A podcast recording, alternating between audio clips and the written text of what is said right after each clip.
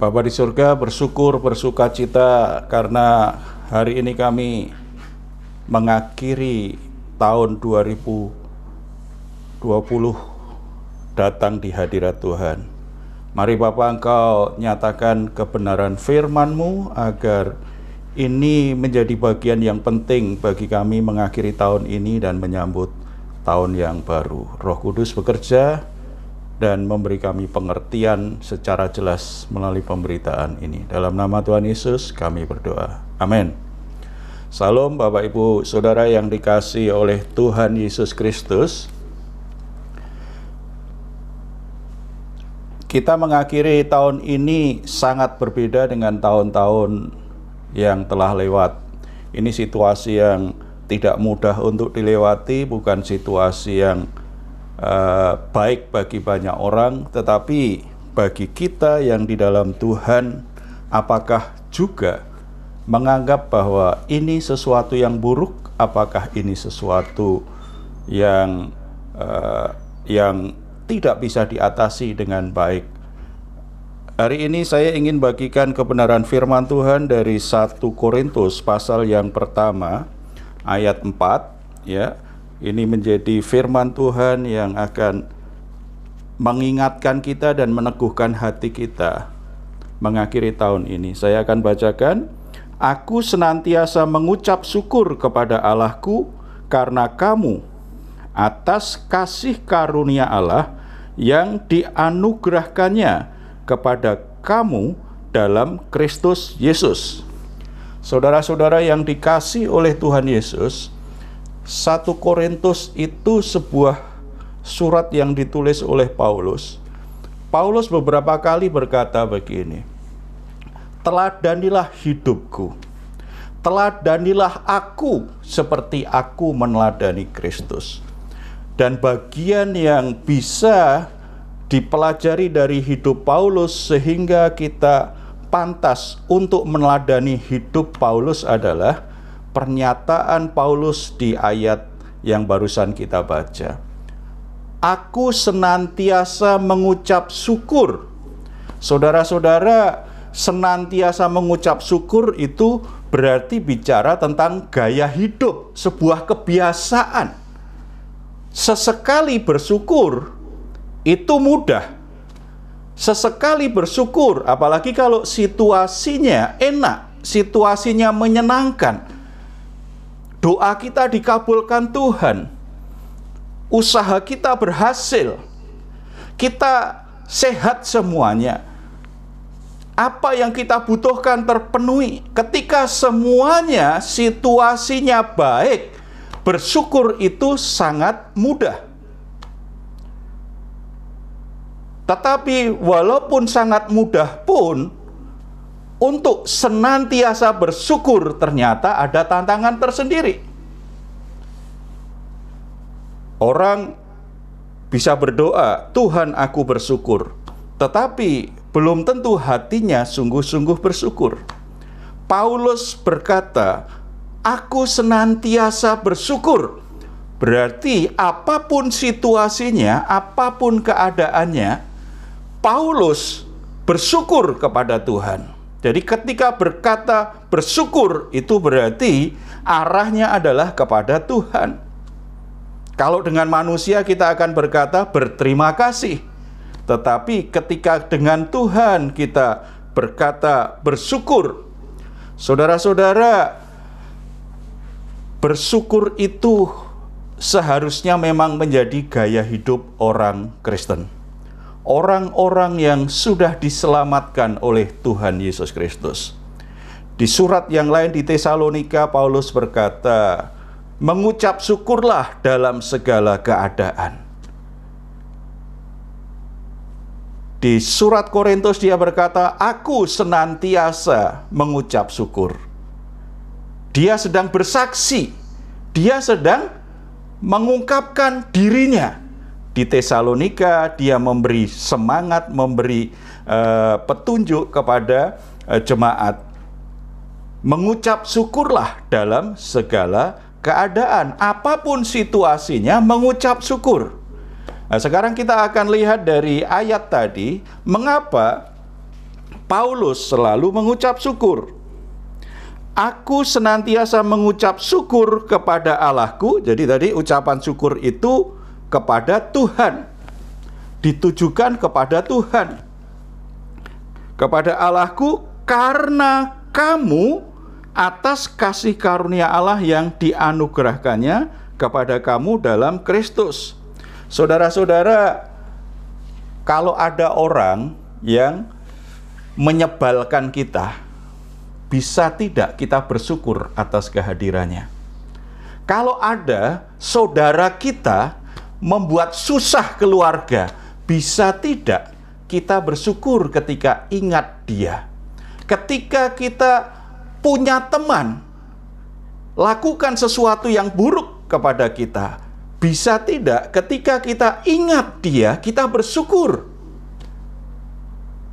Ketika yang kita harapkan kepada seseorang ternyata tidak menjadi kenyataan. Bisa tidak kita bersyukur ketika ingat dia. Ketika bos kita, pimpinan kita, hamba Tuhan yang melayani kita, atau siapa pun,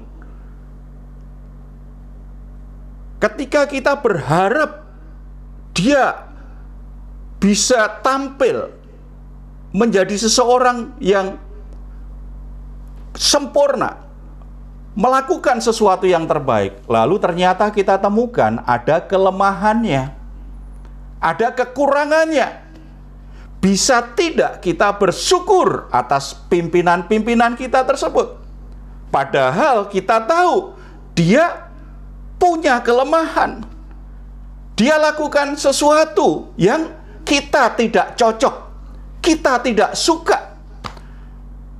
Apakah kita bisa bersyukur dengan orang-orang seperti itu? Paulus layak menjadi teladan karena dia senantiasa mengucap syukur kepada Allah ketika mengingat orang-orang Kristen di Korintus. Apakah orang-orang Kristen di Korintus orang yang sempurna? Sangat tidak sempurna. Justru orang Kristen di Korintus itu sangat bermasalah sebagai orang Kristen. Mereka orang-orang yang aktif di gereja, mereka aktif melayani, tetapi mereka orang yang sangat bermasalah. Mereka suka membeda-bedakan status sosial satu sama lain. Yang kaya ngumpul orang kaya, tidak peduli dengan yang miskin. Yang miskin akhirnya juga buat kelompok sendiri cenderung akhirnya tidak bisa menyatu dengan yang kaya. Karunia rohani harusnya untuk membangun gereja Tuhan, memberikan satu kontribusi yang sangat positif untuk pelayanan, tetapi justru karunia-karunia rohani, talenta itu dilakukan justru semakin membuat gereja kacau. Ini yang terjadi ada perpecahan. Satu sama lain iri. Satu sama lain berlomba-lomba pengen kelihatan lebih baik dari yang lain. Golongan satu dengan golongan yang lain saling menghakimi. Itu terjadi dalam jemaat Korintus.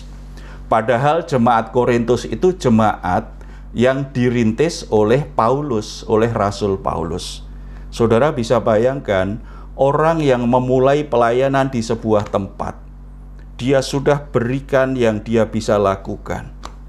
Dan kelihatannya secara rohani sangat dilimpahi Tuhan dengan karunia-karunia, dengan berkat-berkat jasmani yang luar biasa. Tetapi ternyata justru keadaan jemaat Korintus itu sangat bermasalah. Ada perpecahan, ketika mereka ngumpul selalu ada kekacauan, mereka satu sama lain saling iri, saling menjatuhkan, saling menghakimi, saling menjelek-jelekan, itu terjadi. Saudara-saudara, wajarnya ketika ingat seperti itu pertama, pasti sedih. Yang kedua, akan sulit untuk bisa bersyukur mengingat orang-orang yang seperti ini. Kalau kita di posisi Paulus, pasti kita sulit untuk bisa bersyukur atas orang-orang yang seperti itu. Tetapi Paulus berkata, "Aku senantiasa bersyukur kepada Allahku mengingat kamu. Setiap kali aku mengingat engkau, aku bersyukur." Senantiasa loh, bukan sekali-kali, senantiasa. Kenapa Paulus bisa seperti itu? Kuncinya di kata berikutnya karena atas kasih karunia Allah yang dianugerahkannya kepada kamu dalam Kristus Yesus. Saudara-saudara, kalau kita mengingat orang itu hanya dari sisi apa? Sisi hal-hal yang lahiriah, dari sisi statusnya, dari sisi Eh, kesempurnaannya secara watak, perilaku, karakter, perbuatan, kata-kata. Kalau kita itu ingat orang hanya dari hal-hal yang seperti itu, akan sangat sulit untuk selalu bersyukur atas kehadirannya dalam hidup kita. Tetapi Paulus bisa senantiasa bersyukur karena fokus Paulus bukan bukan hal-hal lahiriah yang dimiliki oleh orang-orang Kristen di Korintus. Fokus Paulus bukan pada penampilan, pada masalah status ekonomi, masalah kepandaian, masalah karunia talenta yang dimiliki oleh orang-orang Kristen di Korintus. Yang diingat Paulus adalah karena kasih karunia Tuhan yang bekerja dalam hidup orang-orang di Korintus. Saudara-saudara, ini kuncinya. Kalau saudara ingin senantiasa bersyukur, fokus saudara harus pekerjaan baik Tuhan, kasih karunia Tuhan. Kasih karunia Tuhan itu kebaikan Tuhan, pekerjaan baik Tuhan. Dalam kasih karunia, hal-hal buruk itu masih ada hal-hal yang indah yang Tuhan bisa lakukan.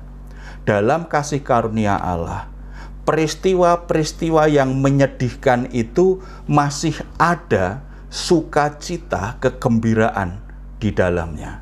Dalam kasih karunia Allah, kegagalan di dalam keterpurukan manusia itu ada kesempatan orang untuk bisa menikmati berkat dan kesuksesan dalam hidupnya. Dalam kasih karunia Allah, sesuatu yang kelihatannya menyakitkan masih ada sesuatu yang baik yang akhirnya kita bisa dapatkan dari Tuhan. Karena dalam kasih karunia Tuhan segala sesuatu dijadikan baik adanya. Segala sesuatu akhirnya mendatangkan kebaikan bagi orang-orang yang mengasihi Tuhan. Dalam kasih karunia Tuhan, situasi apa pun akan mendatangkan kebaikan. Jadi saudara, selama pandemi ini ada banyak keterbatasan, ada banyak hal-hal yang yang tidak selalu enak untuk dinikmati. Rencana kita banyak yang gagal. Usaha kita banyak yang tersendat. Apa yang kita cita-citakan kelihatannya untuk sementara harus kita pinggirkan dulu. Situasinya tidak mudah, situasinya tidak berjalan dengan baik. Satu tahun, hampir satu tahun dari Maret sampai Desember, dan kita tidak tahu nanti tahun 2001 apakah 2021 apakah pandemi cepat berlalu atau masih agak panjang. Tetapi apa pun situasinya, fokuskan hidupmu pada kasih karunia Allah Jangan fokus pada peristiwanya yang buruk, peristiwanya yang menyakitkan, peristiwanya yang membuat kita susah hati, peristiwa yang tidak menyenangkan, situasi yang tidak sesuai keinginan kita, pada kekecewaan kita, pada kemarahan kita, pada kepahitan hati kita. Saudara-saudara, itu beban dalam jiwa kita. Itu akan menjadi sampah dalam jiwa kita. Menjadi sampah dalam pikiran kita, dalam perasaan kita. Dan itu akan menjadi beban terus-menerus kalau fokus kita pada situasi dan kondisinya. Tetapi fokuslah pada kasih karunia Allah yang bekerja di balik semua situasi itu. Kalau kita bisa melihat seperti itu, maka kegagalan, keterpurukan, ketidakberdayaan, situasi sulit yang kita hadapi, kita tetap bisa menangkap pengharapan dari Tuhan. Kita masih optimis menjalani hidup ini. Berbagai permasalahan hubungan dengan orang terdekat kita. Ada kekecewaan, ada kesedihan, ada kemarahan, situasi yang tidak enak dengan orang-orang di sekitar kita. Ketika kita melihatnya dalam kasih karunia Tuhan, kita tidak akan biarkan itu jadi sampah yang mengotori jiwa kita. Mari kita segera keluarkan dari jiwa kita karena ada kebaikan Tuhan sedang kerjakan dalam hidup kita. Makanya saya mengajak jemaat harmoni mengakhiri tahun ini jangan lupa bersyukur. Ingat-ingat yang baik saja. Kalau ingat yang buruk, lihatlah yang buruk itu dari kasih karunia Allah. Sehingga fokus saudara bukan yang buruk itu, tetapi pada kebaikan yang akan Tuhan kerjakan, yang Tuhan sedang kerjakan melalui hal yang buruk itu. Sehingga yang muncul adalah ucapan syukur.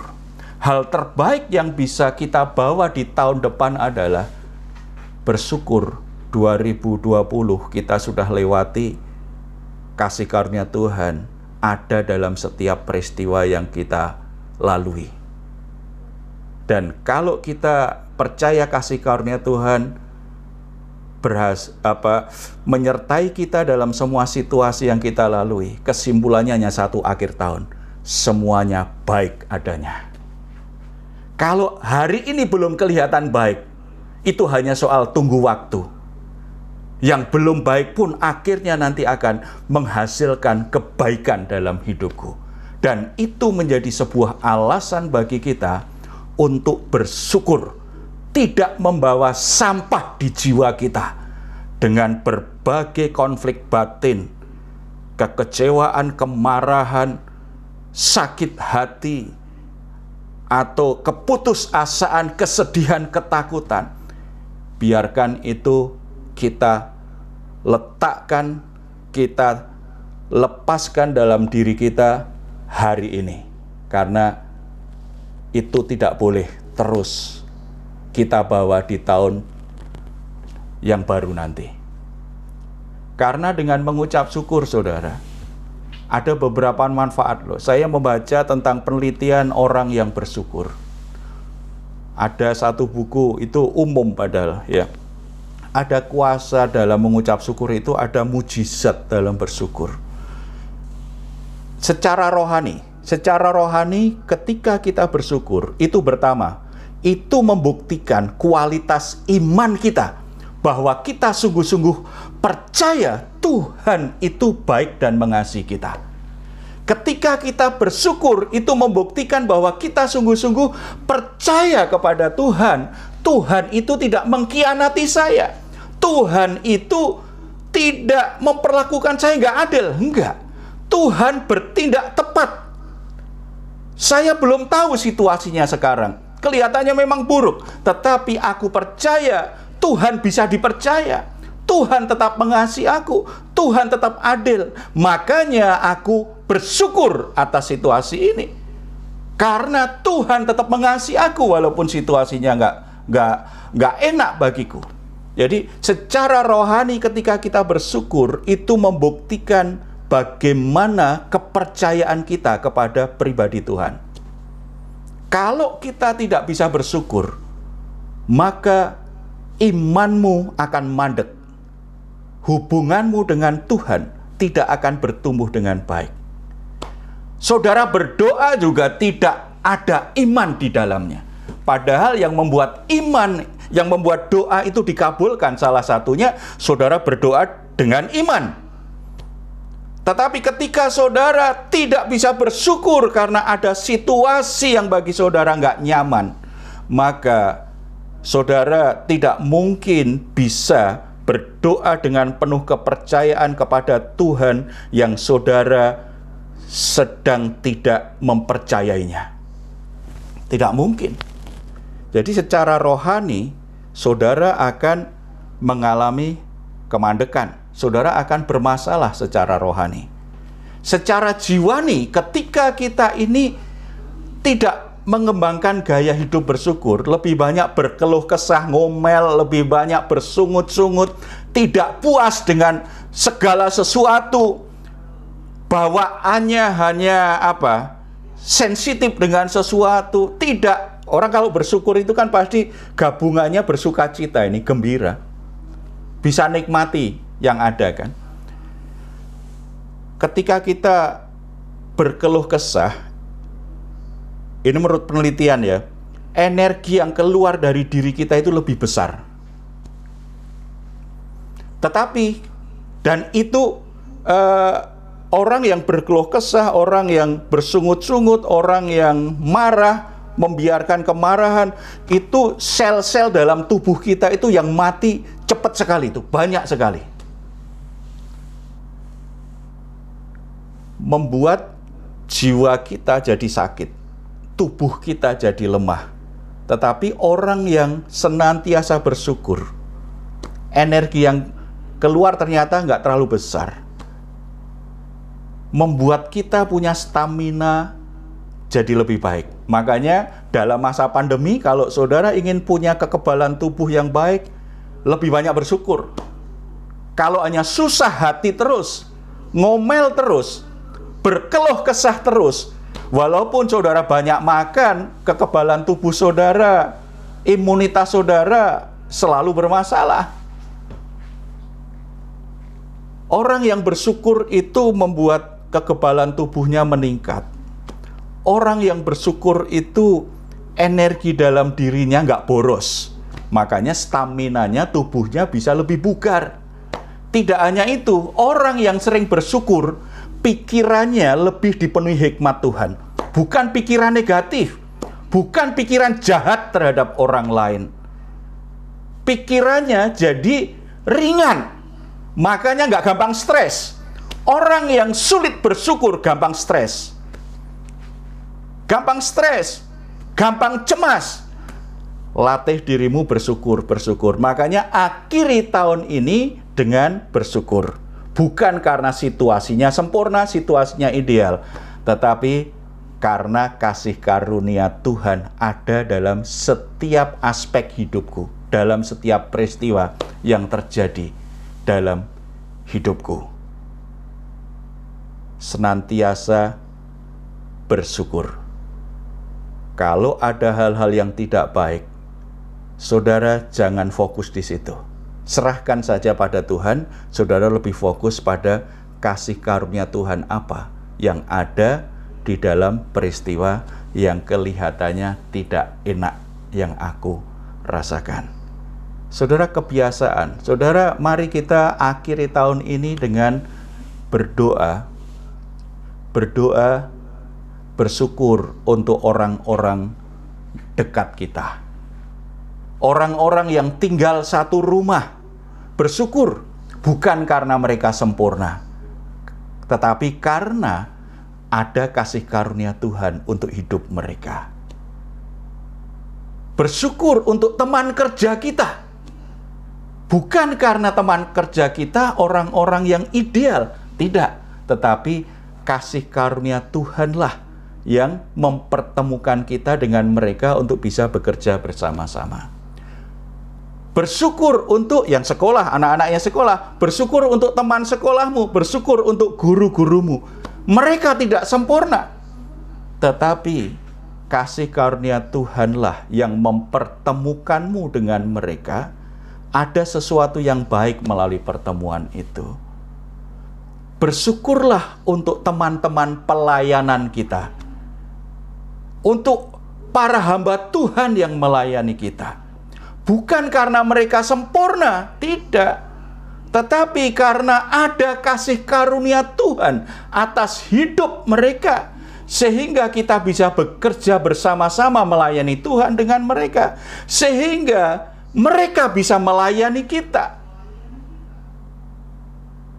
Ketika fokus kita semuanya pada kasih karunia Tuhan, pikiran kita jadi jernih, pikiran kita ringan, pikiran kita tenang, hati kita lebih tenang, lebih nyaman, sehingga kita tidak mudah stres, tidak mudah tertekan, tidak mudah galau gelisah dalam hidup ini.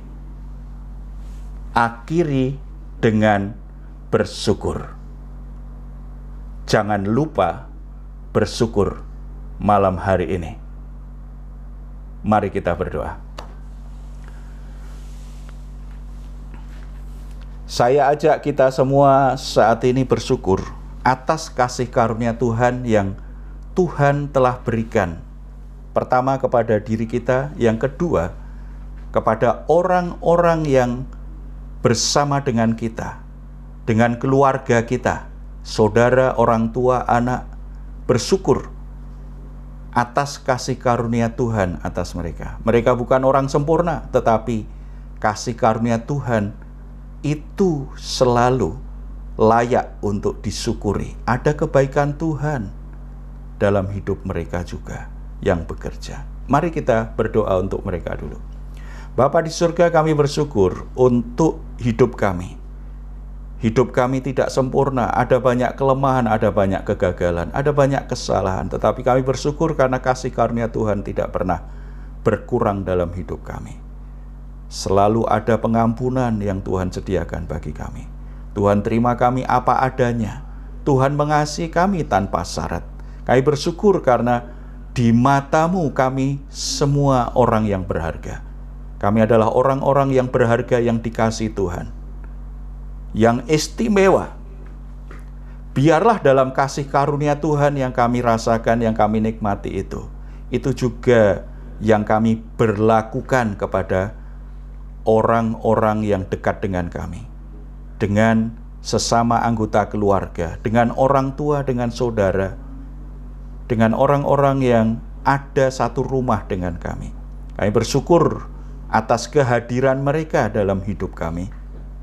Ada banyak kesalahan, ada banyak kekurangan, tetapi kami bersyukur karena kasih karunia Tuhan juga ada bagi anggota-anggota keluarga kami yang lain sesuatu yang baik ada juga yang Tuhan berikan dalam hidup mereka.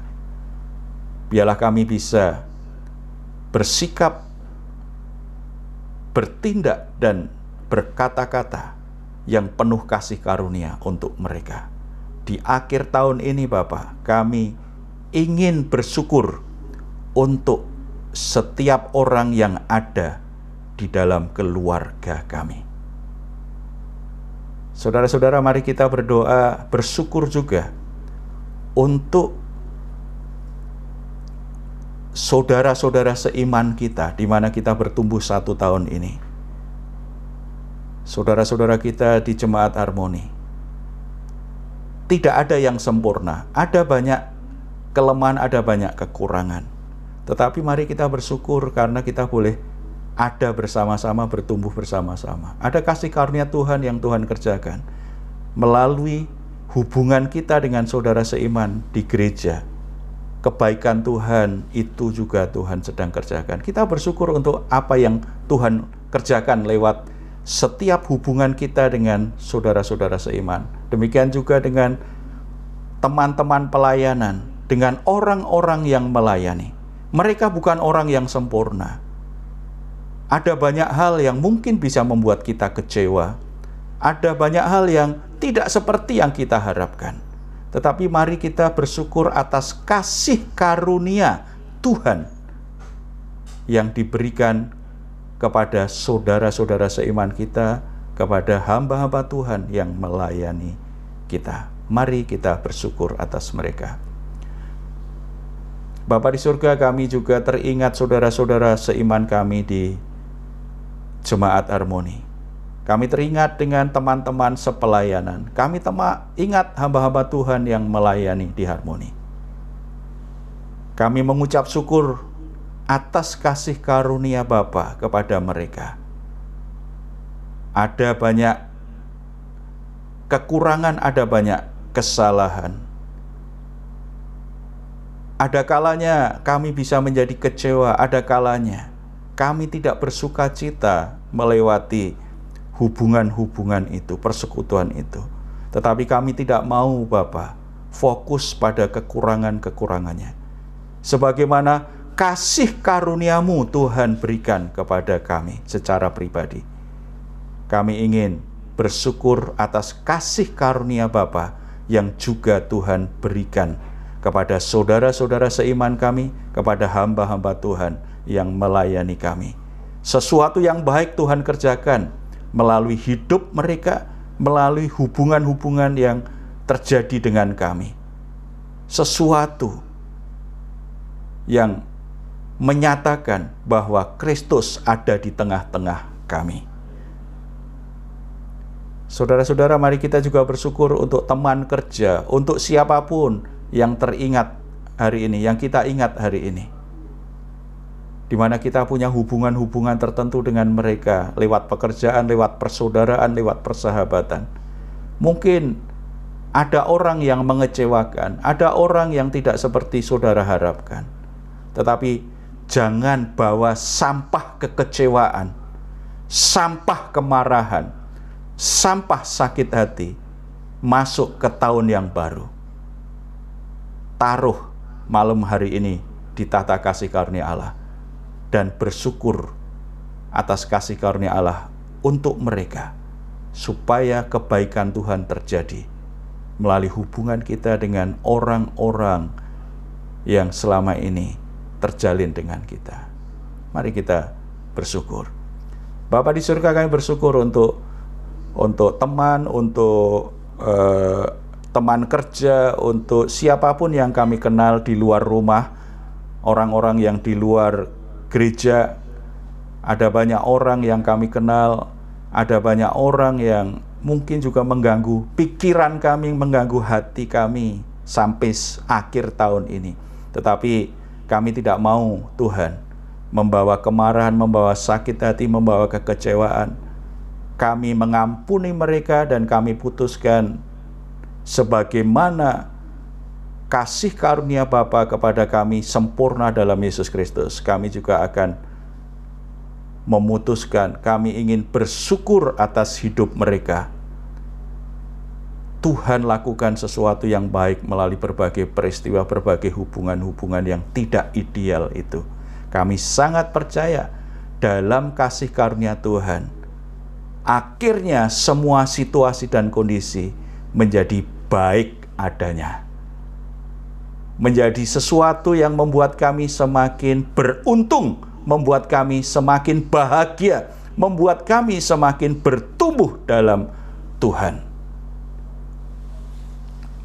Bapak, hambamu berdoa saat ini Roh Kudus bekerja, Tuhan menolong setiap pribadi agar mereka benar-benar bisa melepaskan hal-hal yang mengecewakan, hal-hal yang membuat mereka Eh, marah, membuat hati mereka menjadi cemas, membuat takut, membuat uh, marah pahit hati, membuat mereka merasa tertekan sampai akhir tahun ini. Kiranya Roh Kudus menjamah dalam nama Tuhan Yesus Kristus. Tuhan mengambil semua sampah-sampah dalam jiwa kami dan Tuhan gantikan dengan damai sejahteramu, dengan sukacitamu. kami mau mengakhiri tahun ini dengan bersyukur, dengan bersuka cita, karena kami tahu kami sedang disiapkan sesuatu yang baik di depan bersama-sama dengan Tuhan. Tuhan selalu menyertai kami, Tuhan selalu mengasihi kami, dan Tuhan tidak pernah membiarkan kami sendirian menghadapi situasi sulit ini. Terima kasih. Dalam nama Tuhan Yesus kami berdoa dan bersyukur. Amin.